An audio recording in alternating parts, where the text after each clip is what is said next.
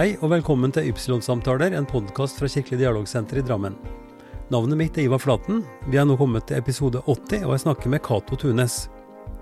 Cato han løper i snitt over to mil hver dag, og har en av landets beste trenere. Han er 60 år, og ble for et år siden sogneprest i Strømsgodset menighet her i Drammen. Cato drev en tannteknikerbedrift før han ble student, kunstner, og så diakon, prest og prost. Han har vært dørvakt på Dickens, og var et stjerneskudd som pastor i pinsebevegelsen. Allerede som barn følte jeg at jeg ikke fikk svar på de store spørsmåla, forteller Cato. Cato Tunes, velkommen hit. Takk skal du ha, Ivar. Har du det bra? Ja, jeg har det fint, jeg. Det er jo høst, og det er jo en tid på året som jeg trives godt, faktisk. Også når du er på lange løpeturene dine? Ja, det er friskt. Altså, eh, det å være langdistanseløper om sommeren er, eh, er, ikke noe for meg. Altså, da koker jeg fort over. Så nå på høsten er det, er det deilig, og nå om dagen er det jo ordentlig, ordentlig godt da, med 12-14 varmegrader. Ja. Så det er fint.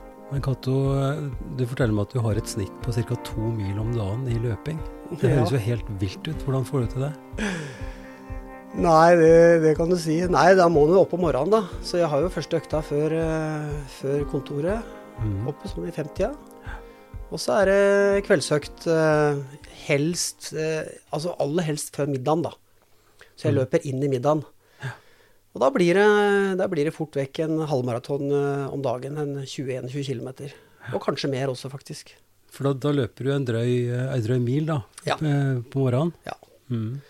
Så det er hyggelig. Og jeg, jeg driver jo et par uh, løpegrupper i byen her. En som heter Rønner i Drammen og omheng, og en, en sånn kondisgruppe. Mm. Så vi, vi, møtes da eh, et par ganger i uka, tidlig om morgenen. Ja. Høres ut som det er ganske hard struktur? jo da, det er jo det. Det er klart du Jeg er jo en dedikert fyr, da. Altså jeg har en sånn uh, indre glød. Altså det, det opp oppleves ikke som noe offer, men det gir meg veldig mye overskudd. Og det der med å løpe, vet du, Ivar, det er jo, det er jo en sånn, sånn kontemplativt over det. Mm. Når du kommer inn i pulsen og rytmen og bare eh, forsvinner inn i eh, Du bare er. Du slipper å forholde deg til eh, vanskelige tanker eller konflikter et eller annet sted, eller eh, en eller annen begravelse som du skal ha som er tung og vanskelig, ikke sant, eller en vanskelig tekst som du arbeider med, eller Du er bare i pulsen og rytmen, og det, det er fint. Interessant. Uh, men, men, du må altså legge opp altså Når du ser at du løper en halvmaraton om dagen, ca. 20 i snitt, en mil på morgenen, en mil før middag, da er jo dagen ganske godt innramma? Ja da. Det, det er eh, Jeg er en sånn vanefyr. Jeg, liksom, jeg spiser uh, det samme alle måltider. Jeg legger meg og står opp til samme tiden. Og ja, jeg har sånn uh, en fin og fast rytme på, på, livet mitt og hverdagen som jeg trives godt med. Det er ganske forutsigbart. Jeg har jo et program ikke sant, som, som en av, faktisk en av Norges aller beste trenere eh, setter opp for meg. Sindre Burås. Okay. Han har jo han er en av de raskeste på 5000, faktisk, i, i, Norge. Det er vel bare Marius Bakken og han eh, Jakob Ingebretsen som har løpt fortere enn på 5000. Oi, ja. Så det er ikke noe hvem som helst. Nei, Og han har satt opp program som er tilpassa din kropp og din ambisjon. Ja da, vi mm. har et uh, prosjekt uh, sammen, faktisk. Uh, han skal, eh, som jeg skriver om i, i Kondis, altså et tidsskrift for kondisjonsidrett, mm. eh, hvor jeg skildrer de livstemaene jeg som eh, godt voksen mann, da mm. Jeg er jo mitt 60. år. Eh, så å si løper inn i. Mm. Eh, og det handler jo mye mer eh, om opplevelsen av at testosteronnivået går ned, ikke sant. Mm. Eh, man kjenner at man blir eldre, man har ikke det samme energinivået. Eh, horisonten på livet blir litt begrenset. Man får et annet forhold til de rundt seg. Og, og disse livstemaene skildrer jeg. Og så eh, prøver Sindre da å få denne godt voksne mannen til å bli en enda bedre løper enn det han var når han var 50. Så det er spennende.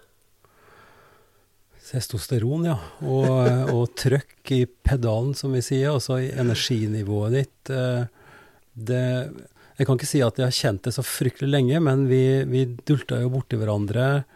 Eh, og da mener jeg jeg har sett litt i avisa og sånt. Og, og jeg starta jo her i Drammen i 2006 som, eh, som ny prest, men mm. sant, som en 50-åring også.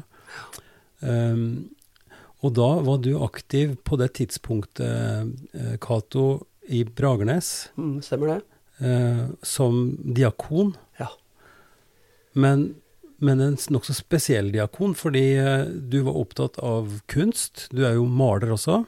Ja da. Eh, og, og da, da, var det Altså, jeg sier testosteron bare litt på, på tull, fordi da var det også en sånn litt sånn tilspissa situasjon der du følte at du måtte du måtte bruke litt, eh, litt trøkk for å komme gjennom. Hva handla det om den gangen?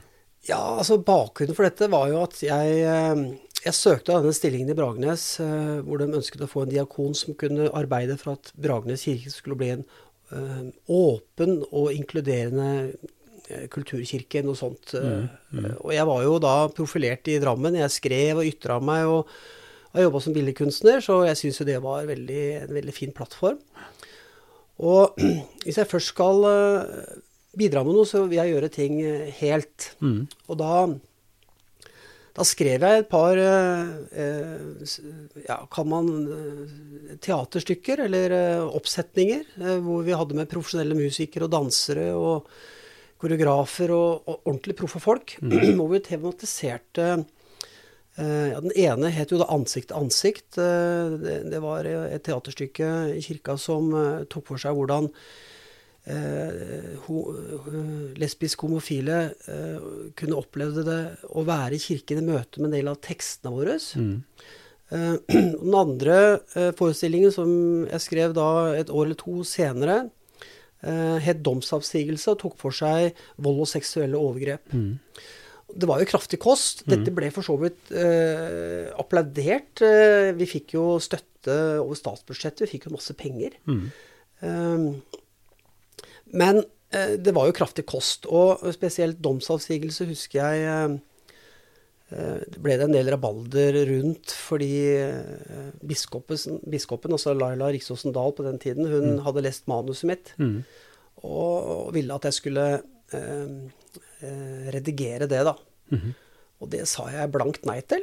Mm. Eh, men hun hadde jo da Det var jo hennes rett å kunne ta meg av plakaten. Mm. Eh, og da blei det litt rabalder. Eh, det blei jo Ja, menighetsrådet ytra seg litt, og det er klart at jeg Jeg var jo ikke veldig pragmatisk. Jeg eh, jeg skrev jo denne forestillingen og søkte midler og fikk penger og så blei menighetsrådet informert. Ja. Så det, mm. var jo, det var jo litt urent trav. Men samtidig så mente jeg at mye av det jeg gjorde på den tiden, hadde aldri fått tommelen opp hvis jeg hadde gått holdt på å si, den tradisjonelle veien. Ikke sant? Det, det vi sier litt spøkefullt at det er bedre å få, eller lettere å få tilgivelse enn tillatelse. ja. Altså når først ting er i sig, og, og du argumenterer for det, og det er støtte rundt det. Så, ja. Og der, der, var du, men så ble det en stoppsignal, rett og slett? Det ble, det ble litt bråk, og, og, og, jeg sa til biskopen at uh, du, er, du er din fulle rett til å ta meg av plakaten. Jeg, jeg forandrer ikke et komma i den teksten. Men jeg utfordrer deg på å komme på forestillingen. Mm. Sett deg i benken. Og hvis dette her er liksom løs kanon på dekk, så er det bare å klippe vingene av meg, og mm. så blir det ikke noe mer. Mm. Og jeg, jeg, husker jo Jeg så jo Nå er jeg, var ikke er ikke så stor. Så den ruver jo ikke sånn av skikkelse, men likevel, så når biskopen kommer, så blir det jo da blir det jo litt eh, stramt. Var dette på en, en, eh, sånn Hva heter det? Før forestillingen? Nei, var det? det var, var på forestillingen. Ja. ja. Mm. Da kom hun ja. og satte seg i benken. Ja. Og det gikk jo sin gang. Og, og når forestillingen var over, så kom hun mot meg. Og jeg tenkte nå får jeg en høyre og venstre, en uppercutter, og så er det game over. Men da rakk hun ut handa og sa tusen takk. Og så, øh, og så innbød hun meg til et møte på mm. Bispegården, mm. hvor hun sa at øh, jeg skulle få prosjektmidler til å sette opp en forestilling og skrive om den klimakrisa som kirka da var i. Mm. Men da var jeg på vei ut, og på vei til Troms og Finnmark på nye oppdrag. Men det var utrolig anerkjennende. Mm. Det var veldig godt. Så, men bråk ble det. Og jeg snakket jo med store bokstaver i, i media, og jeg tror det var noe på NRK TV også, jeg. Mm. Så, men det gikk jo bra, da. Ja, fordi du var overbevist sjøl. Altså, du, du var trygg på at dette både var relevant eh, som kunstuttrykk, men òg som et innspill til, til dilemmaer og utfordringer i kirka? Ja, absolutt. Og, og nå, nå, tror jeg at vettet er litt jevnt fordelt. Men, men, eh, så er det ikke sånn at jeg sitter med hele fasiten. Men når du er kunstner og, og er midt oppi et prosjekt, eh, så er du veldig var og sensitiv. Og det da å liksom begynne å klippe bort og redigere og overlate regien til noen andre, det var jeg ikke komfortabel med. Nei. Så da var jeg villig til å ta da plakaten, rett og slett. Mm. Men, eh, men, det ordna seg og, og landa fint. Det er jo, det er jo veldig betryggende og, og, godt, naturligvis. Men hvis, du, hvis vi skulle spole enda litt tilbake, hvor kommer kunstimpulsen fra? Altså for, for du, du, du, er bildekunstner, jeg har sett uh, arbeidene dine. Du, du, profilerte deg som maler, og du jobba med det hele tid i en periode?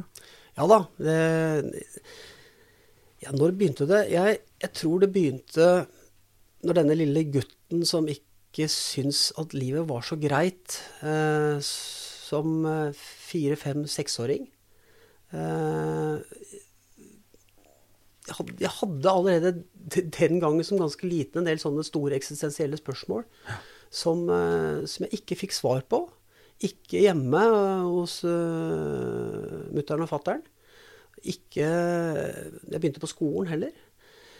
Så da fant jeg mye støtte i å kunne sitte da med plastelina eller, eller leire eller fargestifter å jobbe kreativt. Mm. Og det var ikke det at det Jeg har aldri vært noe flink til å tegne eller forme, egentlig, men eh, det var ikke så viktig at det lignet på noe. Det var i grunnen viktigere at, at det steg opp noen svar da, mm.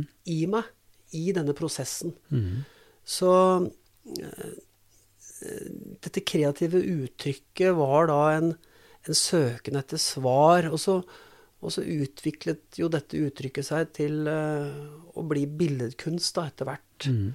Uh, og en, uh, en, filosof som heter Egil Hove Olsvik, han har vokst opp på Konnerud, faktisk. Mm -hmm. Nå jobber han som førsteamanuensis på Politihøgskolen. Okay.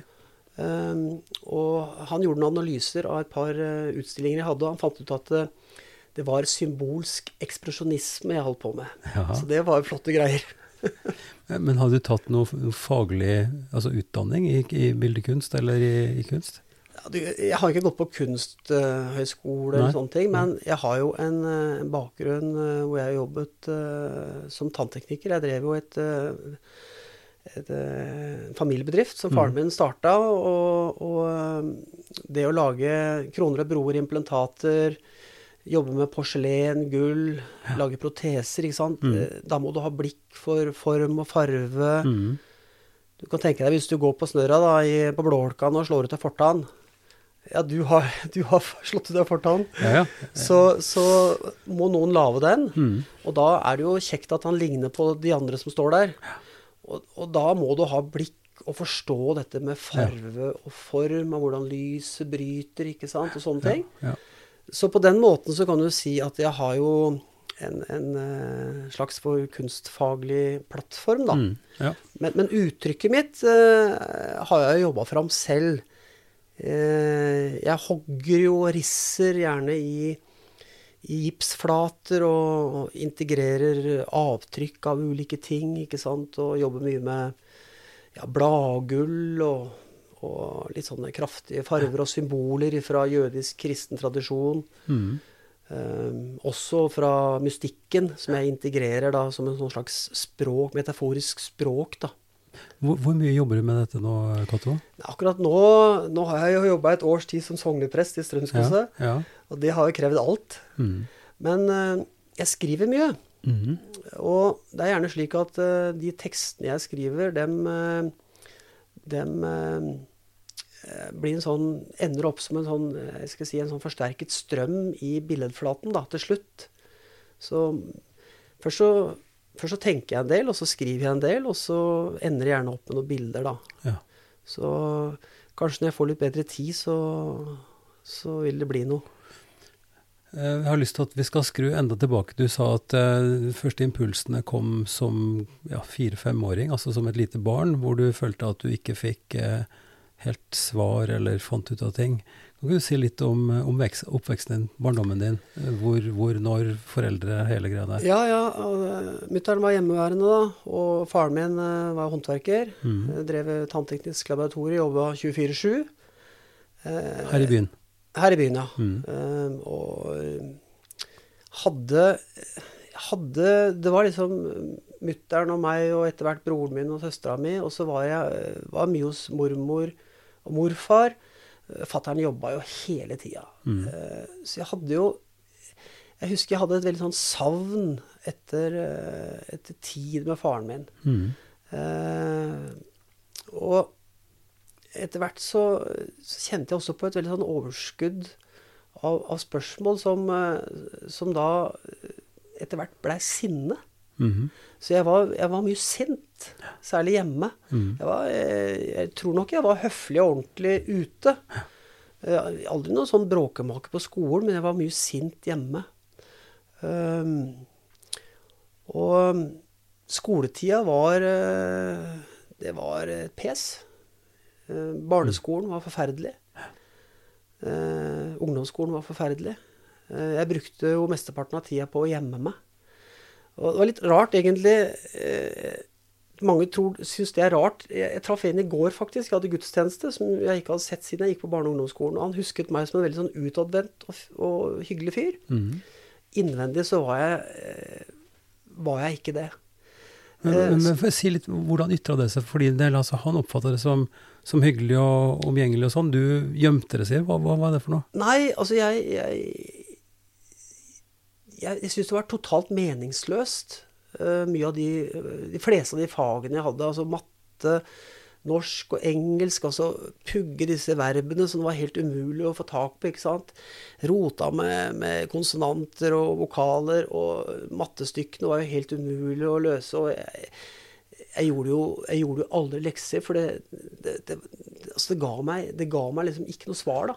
Men var dette, var dette en diagnose? Altså, hadde du lærevansker, eller? Nei, nei, nei. nei, nei. Jeg, det var nok eh, jeg har aldri, Det er godt hende jeg hadde lærevansker, men jeg har aldri fått noen diagnose. Ikke noe sånn ADHD Nei, nei, nei, eller, nei, nei. eller dysleksi eller noen sånne ting. Men jeg var bare totalt uinteressert. Uh, og så så mener jeg jo at jeg hadde Jeg fikk etter hvert uh, Jeg fikk etter hvert en del av disse lærerne litt opp i halsen. Uh, Så det var ei fæl tid. Eh, Men jeg greide meg. Jeg kom gjennom eh, det meste av prøver og eksamener med gode jukselapper. Så eh, Men jeg lærte jo minimalt.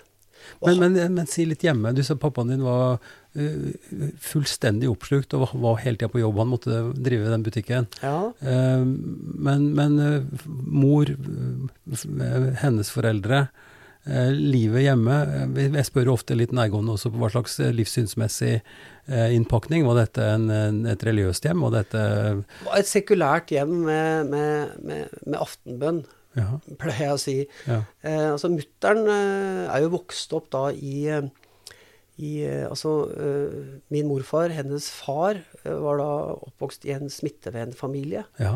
Så veldig mange av eh, rundt henne i oppveksten var jo smittevenner, ikke sant. Mm. Så hun hadde jo da et veldig sånn mørkt og, og strengt syn på hvem Gud var. ja. Og var nok egentlig eh, Og har vært prega av det hele livet.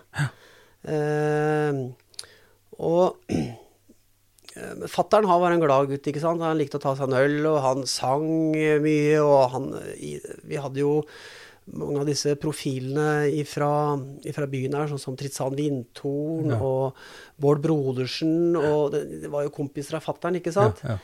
eh, open-minded eh, kunstnere. Mm. Så jeg da vokste opp i et hjem både med den sida og med den, eh, den, den tunge religiøse siden, ikke sant. Mm. Så, men det ble aldri Det var aldri noe sånn at vi gikk på gudstjenester eller sang eh, for maten eller sånne ting. Nei. Men, men mutter'n hun bar aftenbønn for oss. Ja. Hver eneste kveld ba mm. aftenbønn for oss. Mm. Så på den måten så lærte jo jeg også selv å be. Ja. Og jeg har bedt mye. Mm. Ja. Helt fra jeg var bitte, bitte, bitte liten. Bedt til Gud. Fordi du følte deg pressa? Fordi at du hadde det vanskelig, eller fordi at det var en jeg, jeg Ja, jeg følte meg pressa. At jeg syns, det var vanskelig å være Cato. mm. Uh, helt til jeg ble ganske voksen, faktisk. Syns jeg det var veldig vanskelig å være Cato. Og det er jo veldig overraskende for veldig mange, fordi uh, jeg hører jo folk sier at jeg fremstår som veldig sånn sterk og tydelig og integrert. Mm. Og så feil kan man altså ta av hverandre. Ja. Så det er jo litt For sånn var eh, det ikke for deg. Nei. Men du eh, kom deg gjennom, du kom deg gjennom skolen med gode jukselapper, sier du. Ja da. Eh, men så havner du altså etter hvert da i din fars fotspor. Altså at eh, du, du kom inn Tok du da noe, åpenbart noe utdanning for ja å da. kunne gjøre det? Jeg gikk jo, Den gangen så var det en yrkesfaglig utdanning, i dag så er det en høyskoleutdanning. Og Mm. tok etter hvert over butikken til fattern, ikke sant. Og Hvor gammel var du da? da var jeg Ja, jeg, jeg, jeg var ferdig med Forsvaret. Da var jeg 18, så jeg var vel eh, 19, jeg var vel 20 par 23 år, da. Ja.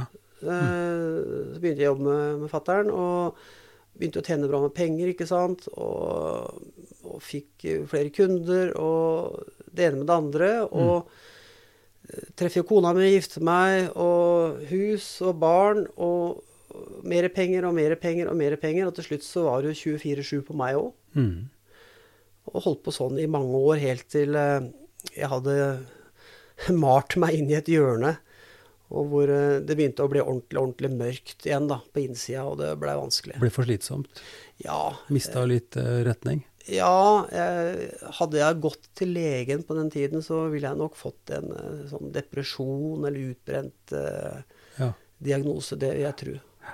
Og da snakker vi midt i 30-åra, eller? Midt i 30-åra. Da Ja, midt i 30-åra. Nei, tidlig i 30-åra. Mm. Da sto jeg Husker jeg sto Vi hadde bygd hus. Sto vi på verandaen 2. juni ute i Selvik og så utover, eh, utover vannet. Mm. Nydelig. Husker til og med hva jeg hadde på meg. Jeg hadde fått en sånn olashorts, eh, fin sånn blå, blomstrete skjorte av kona mi til bursdagen min. Og så sto jeg der og så tenkte jeg, er dette alt? Mm. Og da, da så begynte leppa, underleppa å riste, ikke sant. Og jeg sto der og gråt og, og hadde jo Som vellykka Cato, Ja. med full suksess på Ja, butikken, ja, ja. stor inntekt, hus, familie, Ja. eh, ung, sterk, ja og sto og grein for at du følte at dette var ikke bra. Jeg følte meg Jeg følte det var Jeg hadde gått feil et eller annet sted. Og det var en eh, Jeg ble litt sånn skamfull, liksom, fordi jeg hadde det jo så bra. Men samtidig så var det så vondt å være meg.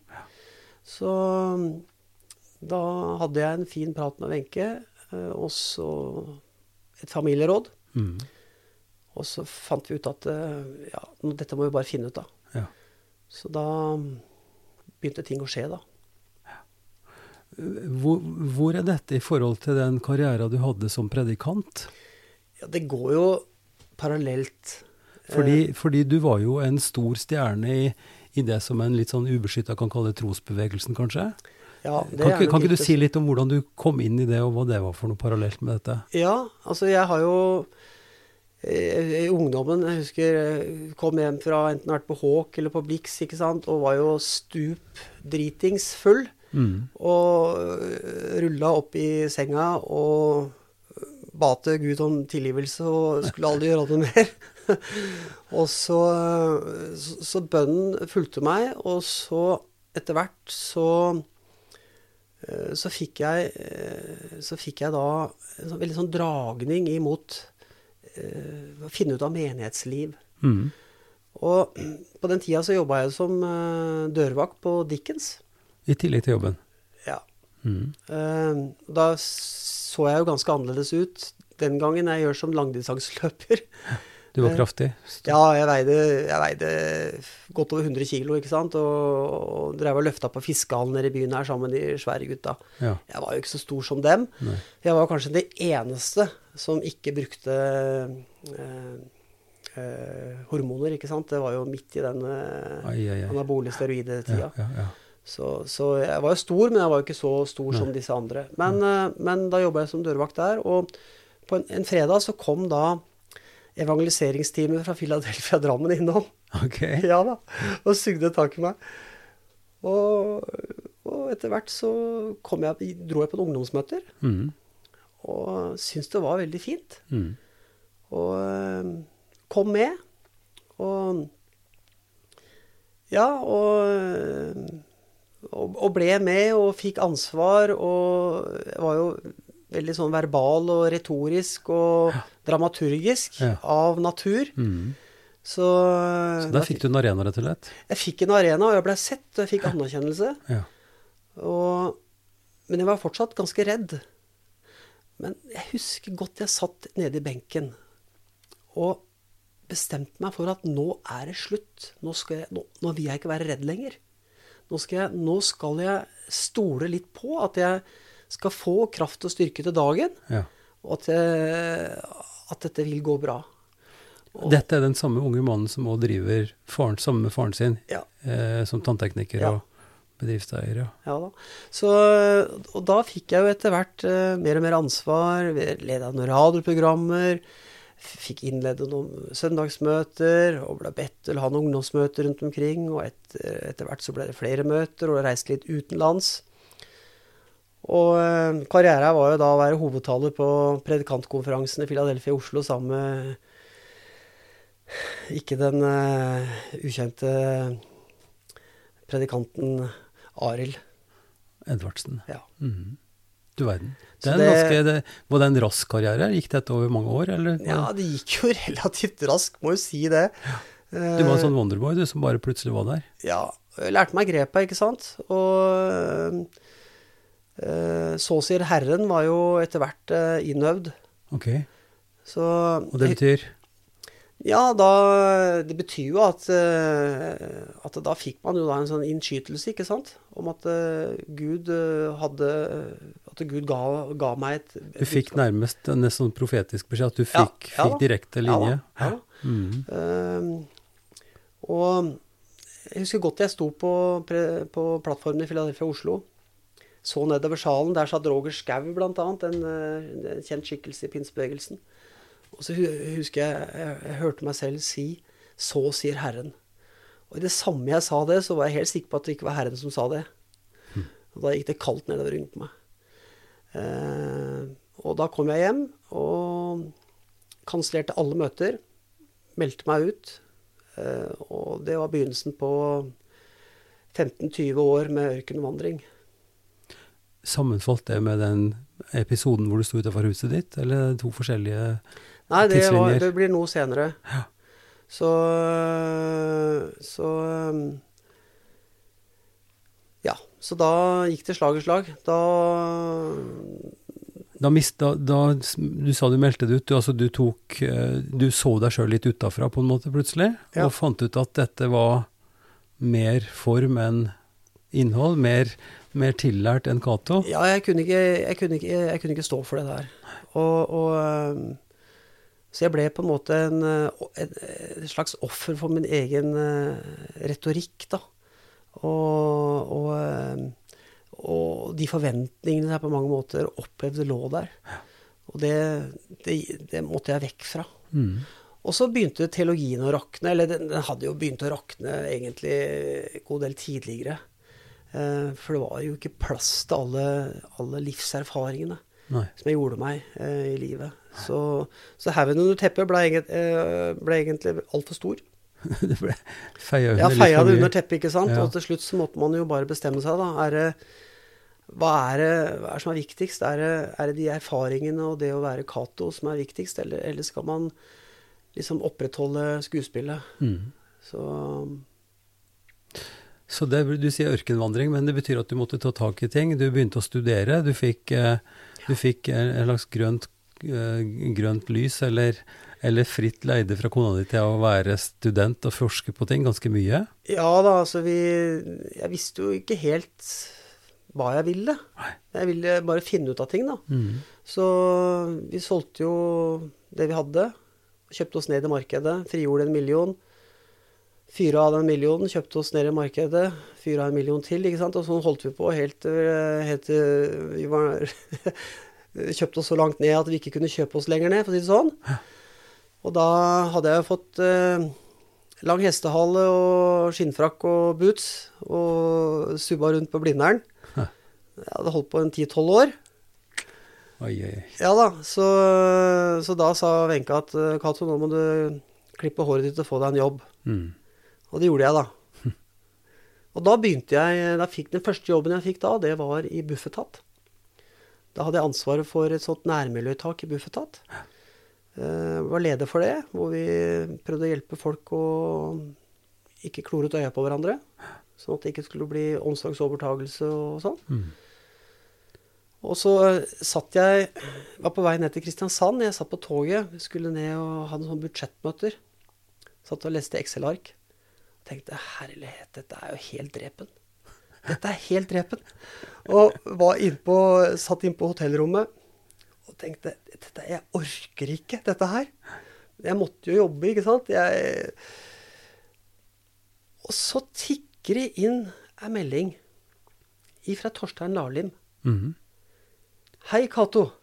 Visste du, eller vet du, at vi søker, de søker etter diakon i Bragenes? Så det var begynnelsen Ja. eh, inn i, inn i, i kirka, da. For da tok du med deg den erfaringa og den utdanninga du hadde skapt da, gjennom Ja de da. åra du gikk Ja. på Blindern, som du sier? Ja da, så jeg hadde jo, hadde jo eh, studert alt mulig rart, ikke sant. Og eh, jeg tok sånt, eh, en, en master i, som het profesjonsetikk. mm. og diakoni. Eh, eh, for jeg syntes det var spennende med diakoni. Mm. For jeg er jo diakonal i mitt hjerte. Mhm. Eh, jeg har jo vært i altfor mange begravelser, dessverre, til eh, disse som bruker Kirkens Bymisjon, den mm. Mhm. gule kafeen. Uh, var veldig engasjert i Kirkens Bymisjon. Var i fengsel sammen med Veslav Holt, som jo var en skikkelse her i Drammen. Mm. Uh, så jeg er jo veldig sånn diakonal i hjertet, da. Mm. Uh, derfor så syns jeg den, den påbygginga med diakoni var veldig spennende. Nei, Så da ble det en slags vei inn, da? Eller Ja da. ut, eller hva du skal si? Ja, det både ut og inn. Ja. Det var veldig fint. Eh, Og da snakker vi altså da 2005-2006 rundt der. Ja. Fordi at min første Det, første vi, 2005 tror jeg det var. det første vi snakka om, var jo nettopp den For jeg Ja. kom jo til byen her i 2006, Ja. og, og da var det i Bragernes. Ja da. Mm. Så det var en utrolig flott, spennende tid. Og Bragernes, der jobber jo de, Det er jo kjempeproft. Mm. Og det var jo den gangen også. Mm. Eh, så det var veldig utrolig lærerikt. Mm. Veldig, veldig fint. Men du ville videre? Ja, eh, jeg Det var jo slik at jeg fikk jo da et spørsmål mm, fra Ellisiv Yttervik, som var eh, som var, som var eh, biskopen i Nord-Rogalands høyre hånd, Per Oskar Kjølås. Mm. Eh, For jeg hadde en kompis som jobba der oppe som prest, da. Og det var prestemangel. Mm. Så fikk jeg spørsmål om jeg kunne tenke meg å jobbe som prestevikar, heter det vel, hvis du Mm. ikke er uh, ordinert. Og det hadde jeg lyst til. Uh, og reiste opp, hadde gudstjenester, ikke sant, og, og syntes det var veldig fint. Og, og de var, både var og er veldig flinke i Nord-Rogaland til å ta vare på de som kommer. Mm. Så jeg fikk lov da til å, å ta avsluttende praktikum på Kirkelig utdanningssenter i nord. Mm. Eh, fikk dekka det i jobben. Mm. Fri, ikke sant. Det var jo helt luksus. Mm. Og tok det da over et år. Mm. Og ble da eh, ordinert oppe i Vadsø kirke. Ja. Eh, og eh, ja, det var en helt fantastisk fin tid, altså. Men du, du har jo en utrolig trøkk i det, og energi, fordi at det tok jo ikke lange stunder da. altså Fra diakonjobben i Bragernes opp dit, eh, ble prestevigd, altså fikk utdanning, praktisk utdanning. Men så ble du fordundret med prost, altså leder for presten også, relativt kjapt. Hva er det som skjer for noe? ja, nei, det, altså Den så jeg aldri skulle komme. Greia var jo det at jeg, jeg holdt jo på Jeg avslutta jo en master i klinisk sjelesorg. Og blei anbefalt da av min veileder Ingemar Bjønnes, som jobba på, på Modum, om å søke opptak til å bli PKU-veileder. Mm. Det var jo det var en veldig anerkjennelse. og det... Si, si for de som hører på, hva, hva, som ligger i det PKU. Ja, altså Det er en pastoralklinisk utdanning eh, hvor vi jobber jo da veldig sånn tett i gruppe, eh, med, altså mest med oss sjøl, egentlig. Mm. Hvor, eh, hvor Cato blir, eh, med hjelp av de andre da, og, og veldig flotte, sterke veiledere, hjelper oss til å få innsyn i blindfeltet vårt. Eh, altså hvordan jeg eh, er i møte med andre mennesker. For at du skal kunne bli i stand til å møte andre mennesker bedre, ikke sant? At jeg, bli, at jeg skal bli en bedre sjelesørger. Og samtalepartner, ikke sant. Mm. Eh, medvandrer. Mm. Og etter å ha gjennomført uh, tre sånne kurs, uh, og skrevet da en master i, i klinisk uh, sjelesorg, så ble jeg anbefalt da av min veileder å søke et opptak til det. Og da eh, heter det seg at da må du ha biskopens godkjennelse. Mm. Så jeg bodde da i Vadsø sammen med Wenche og Sara, eh, yngstedattera vår, og eh, spurte om jeg kunne komme til Tromsø og ha en samtale med biskopen, og det sa Per Oskar Kjølås ja til. Kommer ned og sitter på forværelset, og han kommer ut og rekker ut hava, eh, nevan, eh, som uh, Han nettopp spiste ei nystekt fiskekake, husker jeg. Den var feit og god, den nevan. Klaska henda sammen. Og inn og hadde jo en fantastisk fin prat. Og han sa at den godkjennelsen skal du selvfølgelig få, men nå slutter din sjef Stein Ovesen, prosten i Varanger, og vi ser svært gjerne din søknad. Vet du, altså, Da tok jo narsissismen eh, hos meg fullstendig fyr. Du syns det var stimulerende? Ja, veldig. Det var jo Så om det var Guds ledelse, eller om det var eh, Om jeg blei smigra, det, det, det veit jeg ikke. Men, men eh, det var veldig flott. Det var fantastisk. Jeg trivdes veldig godt. Men, var... men, altså bare så, så fra utsida sett, da, som er, ja. som er en vanlig prest, har vært i mange år og sett prostens arbeid. Eh, hvor eh, utrolig Altså, du er midt imellom biskopen og prestene. Du skal være arbeidsleder, du skal tette i høl når folk blir sjuke. Altså, det er et utrolig styr, administrativt styr, mer enn det å være i sjelesorg eller på folk. Ja. Er en slags konvensjonell uh, idé. Stemmer det, eller var det helt feil? Det var nok litt annerledes opp hos meg enn det er her nede. Uh, vi var jo i Varanger, jeg hadde ansvar for uh, Vadsø, Kirkenes, Vardø, Båtsfjord og Berlevåg. Og så fløy jeg da aksen eh, Vadsø-Tromsø regelmessig for å ha møte med prosten, prostene, kollegaene og biskopen. Men jeg var jo nærmeste sjef til eh, ja, åtte-ti prester, da. Mm. Og hadde jo noe kasualia, selvfølgelig. Mm. Og, og det, men det var litt, nok litt løsere kantene. Eh, vi var nok litt eh, Altså både prestene og hele opplegget var litt løsere i snippen. Eh, men vi hadde jo gode systemer, og det var jo oppfølging med sykemeldinger. ikke sant? Det var jo, Når det var konflikter, så var det jo samtaler. Og, men jeg syns jeg fikk brukt veldig mye av meg sjøl. Mm. Og det å også være liksom Sitte ved biskopens bord og være med på eh, beslutningene og i prosessene var veldig givende. Og det var jo, det var jo så mye flinke folk, ikke sant? Mm, ja, ja. Uh, nei, altså det var uh, Det var ei veldig fin tid. Uh, også, men, men, og en, en, annen ting som var fint mm. med å være i Varanger, var at det, det er jo store, store avstander. Mm. Så når jeg da skulle ha et møte da, i ja. Kirkenes, så var det da å kjøre 17 mil én vei for mm. å ha et times møte, og så kjøre 17 mil tilbake. Mm. Og det er kvalitetstid, altså. Mm. Så det, det, det, var et veldig fint sted å være prest og prost. Fordi du får tid til å tenke, ja. til, tid til å ja. snakke med deg sjøl, høre på podkaster eventuelt, eller? Ja, det var flott. Men eh, det, det, er jo en Jeg sier men. Det er jo en utrolig vei, da, Cato, fra den der spørrende guttungen som ikke fikk eh, svar på eksistensielle spørsmål, måtte jobbe seg gjennom med kunst og uttrykk og få ting til å stige seg, som du sier, via, via det å være en eh, stjerneskudd av en eh, ungdomspastor i, i pinsebevegelsen, full stopp, eh, og så til biskopens bord. Hva går det an å si sånn at Altså, vi er jo nerder på teologi og sånn, men går det an å si noe om hvordan teologien din, eller hvordan din tro eller din forkynnelse har forandra seg, da, slik at du nå kan stå i det, og stå ja, for det? Altså Nå er jeg jo grunnleggende sett veldig trygg på Guds fang.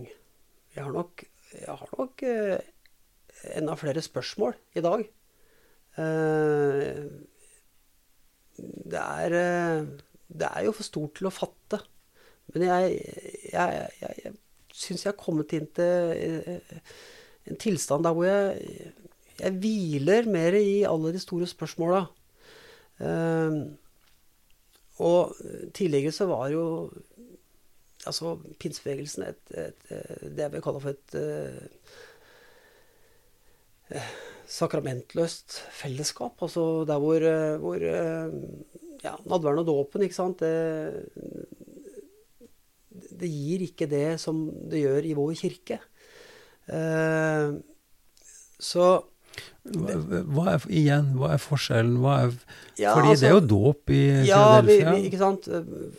Men man har jo et helt annet forhold til dåpen i, som mm. altså i disse dissentermiljøene. ikke sant? Og nadværen er jo bare et, et, et, et eh, minnemåltid.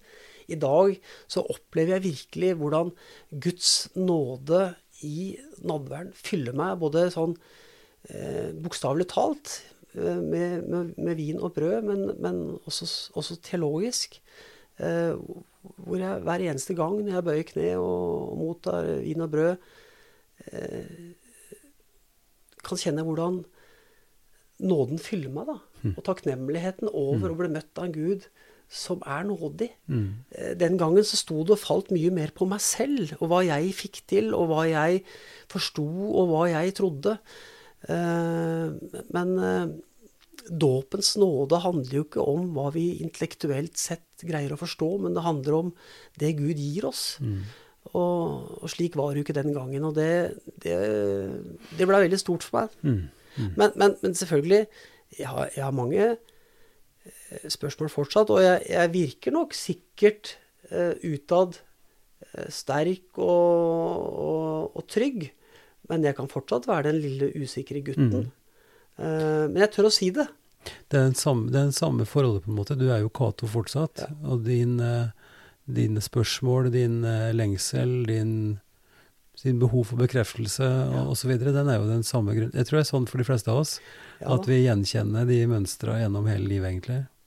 Så, så, jeg bruker ikke energi nå på å liksom holde maska. Nei. Er jeg lei meg, så tør jeg å si det. Er jeg redd, så tør jeg å si det. Og det er litt godt.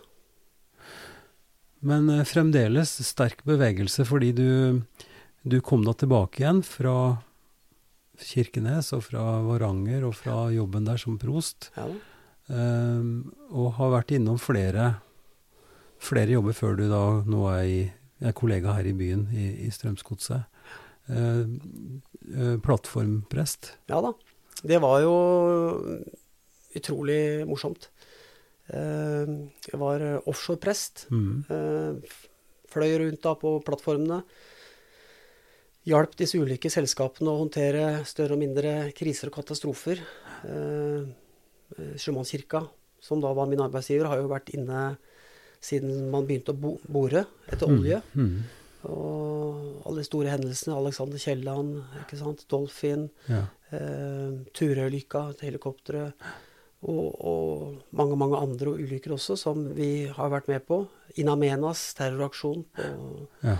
raffineriet. Og da kommer vi inn og, og hjelper eh, hjelper uh, kriseeiere, som er selskapene, å håndtere pårørendesenter, defusing, debrifing. Uh, følger uh, båra hjem, ja. møter med etterlatte, familier osv. Og, så videre, og, så og det var veldig fint. Og jeg hadde nok vært der fortsatt hvis ikke det hadde vært for at koronaen kom. Mm. Da ble vi satt på land. Og det passer ikke min natur, egentlig, å sitte med henda i fanget. Så da fikk jeg en, en melding fra Kjell Ivar, prosten vår, som nettopp har gått av, om at mm. Strømskose kirke blir lyst ledig. Da. Og det er jo den kirka hvor jeg ble døpt i, faktisk. Mm. Og mine foreldre ble via i, og mm. fattern ble bisatt fra. Mm. Og da kjente jeg det nappa ordentlig, ordentlig i brøstet. Um, og da hadde jeg et lite håp om at jeg kunne greie å skrive en brukbar søknad og komme til intervju, i hvert fall. Mm. Og det gjorde jeg, og, og, var veldig, veldig glad når jeg fikk den jobben. Da var det å brette opp arma og spytte i votten og kasualia og møte mennesker. Og selv om det var korona og vanskelig, så, så uh, følte jeg at jeg fikk gjort nytte for meg. Og du har nå hatt ditt arbeid der et års tid. Ja. Um, altså, jeg vet ikke hvordan jeg skal si det her, men du, uh, du sa at du hadde et travelt år, og sånn er det jo. Altså, jeg husker tilbake første året du blir kasta inn i så utrolig mye. Du skal finne ut av det å være prest lokalt i forbindelse med staben din, menighetsrådet, alt det som skjer. Uh, ja, alle rutiner. Du, du, er jo garva sånn sett, da, fordi at du har en prostebakgrunn og har jobba som prest før. Men allikevel, altså det, det, å komme et nytt sted er veldig, det er veldig omfattende. Og, så, så, synes, så, det i seg sjøl er jo riktig så klart at du har hatt et travelt år. Men, men, du har gjort så utrolig mye annet samtidig. Altså Du har jo gått Norge på langs. Du, du, du driver altså det du sa til å begynne med, med løpinga di, som er, strukturerer veldig mye av dagen. Um, vi må nesten høre litt om den turen, altså den, eh, den, ja. der, eh, den der turen, altså når du gikk, for det var jo også du la jo spor etter det, da. du skrev jo om det, og det skjedde jo ganske dramatiske ting. Hva, hva var det for noe greier at du skulle gå Norge på langs? Ja, det er jo, det er jo ganske sprøtt uh, å gjøre det. Fordi det fins jo ikke eneste Lars Monsen-gen i kroppen min. Ikke, ikke, kunne jeg kart og kompass, og jeg hadde jo uh, tre døgn i telt i hele mitt liv før den turen. Så jeg, jeg syns det er best med femstjerners eh, hotell og hvite duker og servering ved bordene, for å si det mm, sånn. Mm. Nei, altså, eh, det begynte jo med at eh, når ungene var ganske små, så var det en brannmann her fra Drammen som Jeg lurer på om han heter Hovdet etternavn, ja, det er sekundært, egentlig. Men ja. han syklet i hvert fall distansen Nordkapp-Lindesnes. Mm. Da husker jeg sa til Wenche at det har jeg lyst til å gjøre en gang. Altså gå den distansen. Men uh, det, det, blir ikke før ungene er store. Ja, og så går årene, da. Og så en dag så satt jeg hjemme i huset vårt, og så ringer jeg på døra, og så går jeg til å lokke opp, og så sto det en, en svær mann med hår på brystet og skjegg i ansiktet der, og, og så sa 'hei, pappa'. Og da hadde jo ungene blitt store, ikke sant? det var eldstemann Andreas. Ja, ja. Og da og da slo det meg at eh, hvis vi skal gå Norge på langs, Cato, så er tida inne nå, for nå er ungene store. Ja. Og testosteron, eh, testosteronnivået ditt er på vei ned. Så da spurte jeg min arbeidsgiver, jeg sa det som det var. Fortalte historien, og at jeg føler at det nå er eh, mitt vindu. Det var Sjømannskirka, det? Ja. Mm. Og fikk da eh, fikk tima det inn, sånn at jeg brukte all ferien min og noen avspaseringer og fikk komprimert eh, liksom alt. Og tok fri fra 1.6 til 1.10. Starta på Lindesnes og sæla på. Juni, juli, august, september. Ja. Fire måneder. Ja. Fire måneder som jeg har satt av. Og lasta opp med 30 kilo i sekken og begynte å gå. Ja da. Himmel og hav. Ja, det kan du si. Det var, det var himmel og hav, bokstavelig talt. Eh, og, eh, fordi at en eller annen brannmann på et eller annet tidspunkt har sykla, og så skulle du gå.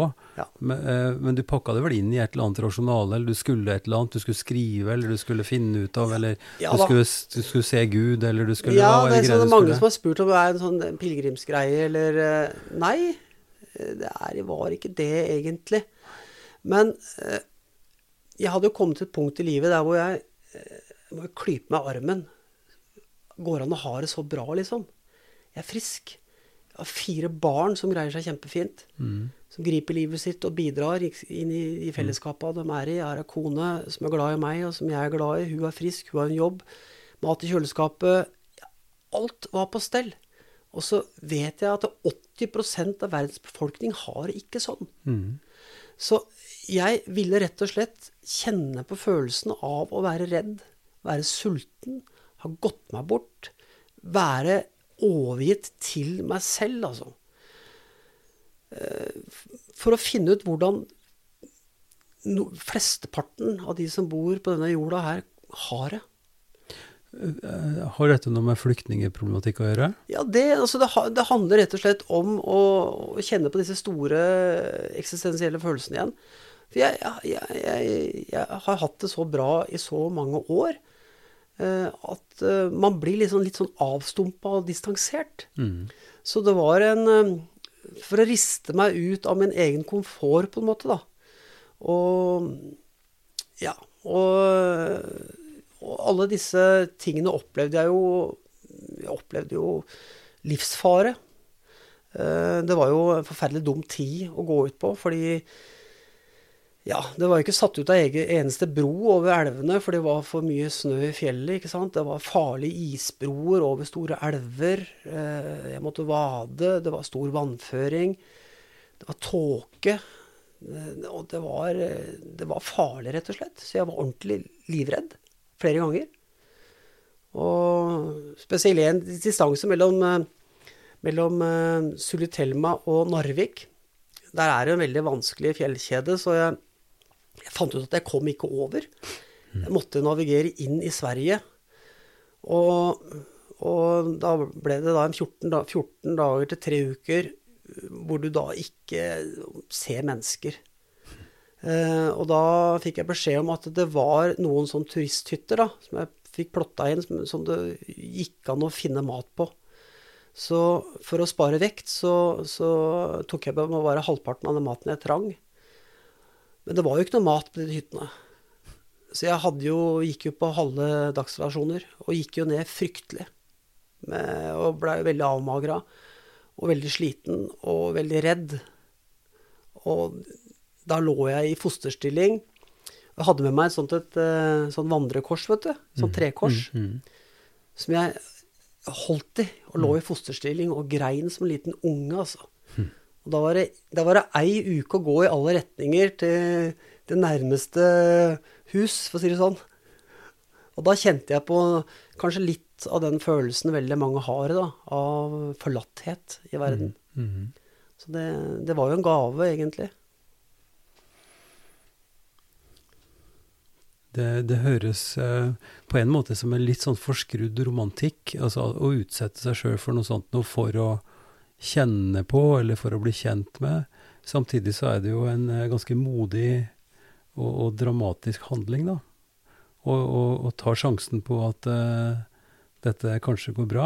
Eh, hva med forhold til familien din og, og sånt noe? Det er jo ikke bare bare.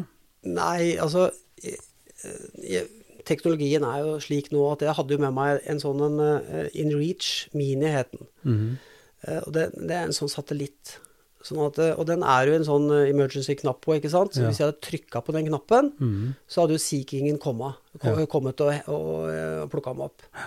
Sånn at eh, Men, men du, du, trykker ikke på den fordi at du blir litt ensom på fredagen og du vet nei, de hjemme nei. sitter og spiser taco.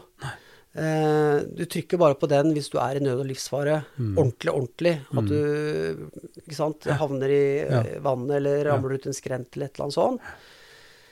Eh, så de hjemme var nok bekymra, eh, i hvert fall når eh, det gikk litt tid før hun fikk Før det tikka inn meldinger fra meg. Mm. Men ordentlig, ordentlig bekymra var hun nok først når jeg havna på St. Olav i Trondheim, på hjerteavdelinga. Mm. Mm. For det var en historie? ja, det var story, gitt. Ja. Ja, men, da, men det, var, altså, det, var, egentlig ikke, det var ikke hjertefeil, eller sånt, men det var dehydrering, skjønte jeg? Ja da. Jeg, jeg, jeg var i Trøndelagen, og det var sånn hetebølge. Eh, det var over 30-35 varmegrader i kjellet, og det var, det var, omtrent ikke vann å oppdrive. Jeg gikk i myr. Mm. Masse myr i Trøndelag, vet du. Ja, ja. Og knott og klegg og alt mulig rart. Og så kom jeg ut på en skogsbilvei, og så bare våkner jeg, og kom meg til sjøl at jeg hadde Jeg blødde i ansiktet og hadde masse grus i panna og var ordentlig for, fortumla. Og så ringte jeg da til Da var det dekning der, faktisk. Jeg ringte til sønnen min og fortalte Han er jo doktor, da. Fortalte han hva som hadde skjedd. Så sa jeg det at det er bare fire mil ned til Snåsa. Så hvis jeg går på, så er jeg der før midnatt. Og da sa Andreas at fatter'n, nå snakker jeg ikke til deg som sønnen din, men som legen din. Du setter deg rett ned.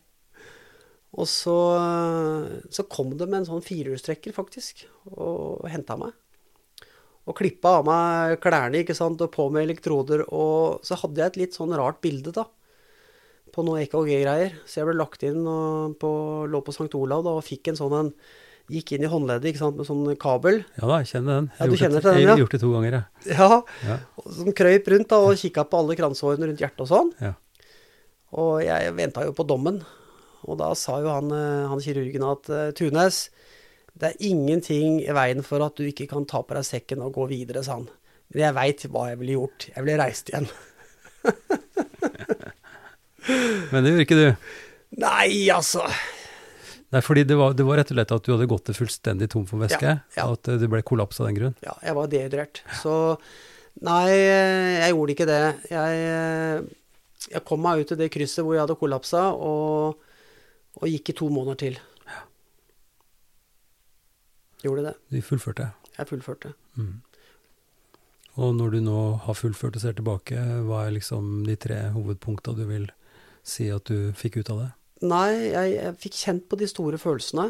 Uh, av å være forlatt, være redd, være sulten. Uh, og takknemligheten over å ha det så godt som jeg har det, den, uh, den kjenner jeg på hver eneste dag. Så takket være den turen. og så møtte jeg jo selvfølgelig masse Eller ikke masse, men jeg møtte en del interessante mennesker som, som delte historien med meg om hvorfor de gikk. Mm. Så, og dem har jeg skrevet ned. Så jeg eh, kom jo hjem som en atskillig lettere Cato. Mm. Eh, men eh, tung og god av, av minner, da. og erfaring. Mm.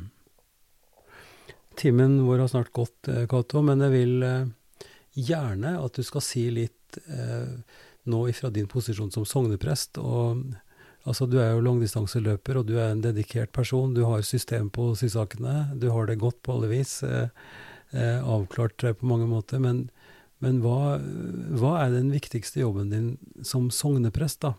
Altså når du nå er en leder i, i sognet, du har en stab rundt deg, du har et mandat, du skal forkynne evangeliet, men du skal også være der for folk. Ja. Du er diakonal i hjertet, som du sier. Hva er, hva er din og, og kirkas viktige rolle nå i, i, tida som kommer, i møte med alle de store, som du sier, katastrofale tinga som er rundt oss? For det er mye greier nå. Ja. Nei, jeg opplever jo at uh, det viktigste for meg, det er å, at folk jeg møter, ser at jeg er til stede. At jeg er hjemme i meg i møte med den andre. At jeg har tid. Og at jeg har mot til å lytte, og at uh, jeg orker å høre på den andres historie. Mm. Og, å være en, en, medvandrer. Det, som sjelesørger så er det viktig for meg. Så er jeg jo da en det man kaller for en åndelig og strategisk leder i, i menigheten. Og være med på å gi en retning eh, for eh, hvordan vi i Strømskose skal jobbe og møte mennesker. Eh, og det som skjer i vår, i vår bydel. Mm. Og lytte til medarbeiderne mine, få til å svinge godt på jobben. Eh, få de jeg møter til å skjønne at jeg er glad i dem, og at jeg bryr meg om de jeg møter, og, og staben. Mm. Eh, det må være begynnelsen, så tar jeg ett skritt i gangen. For jeg er jo jeg har jo masse ideer og er en kreativ fyr, sånn at uh, jeg kan fort uh, løpe veldig raskt og veldig langt. Eh, men det hjelper veldig lite hvis ikke jeg har med de rundt meg. Mm. Så må, må finne en marsjtakt som, som passer eh, de, de, rundt meg. Det, det altså du løper så langt du vil og så fort du vil eh, på fritida og på, på, veien, men i jobb så gjelder vel det samme for deg som for de fleste andre av oss, at vi må skynde oss litt langsomt for Ja. å vite at vi har folk med oss, og at vi er i riktig, riktig takt. Det tror jeg. Det er viktig. Cato, eh, takk for en eh, veldig interessant samtale, og lykke til med både de lange løpene dine og, og de mer skal vi si, strategisk viktige løpene som vi nå står i kirka. Så lykke til, Cato. Takk skal du ha. Takk for at du lyttet til Ypsilon-samtaler, podkasten fra Kirkelig dialogsenter i Drammen. Vi gir normalt ut nye episoder hver torsdag, og du kan lytte til samtlige episoder ved å gå inn på ypsilonsamtaler.no. Vi er veldig glad for inspirasjon og tilbakemeldinger, og gjerne forslag til folk som du tenker vi kan snakke med. Podkasten er støtta av Drammen kommune, av Barne- og familiedepartementet og av Einar Juels legat. Velkommen til tilbakemeldinger som du kan sende til Ivar. Krøllalfa kirkeligdialogsenter.no. Vi høres.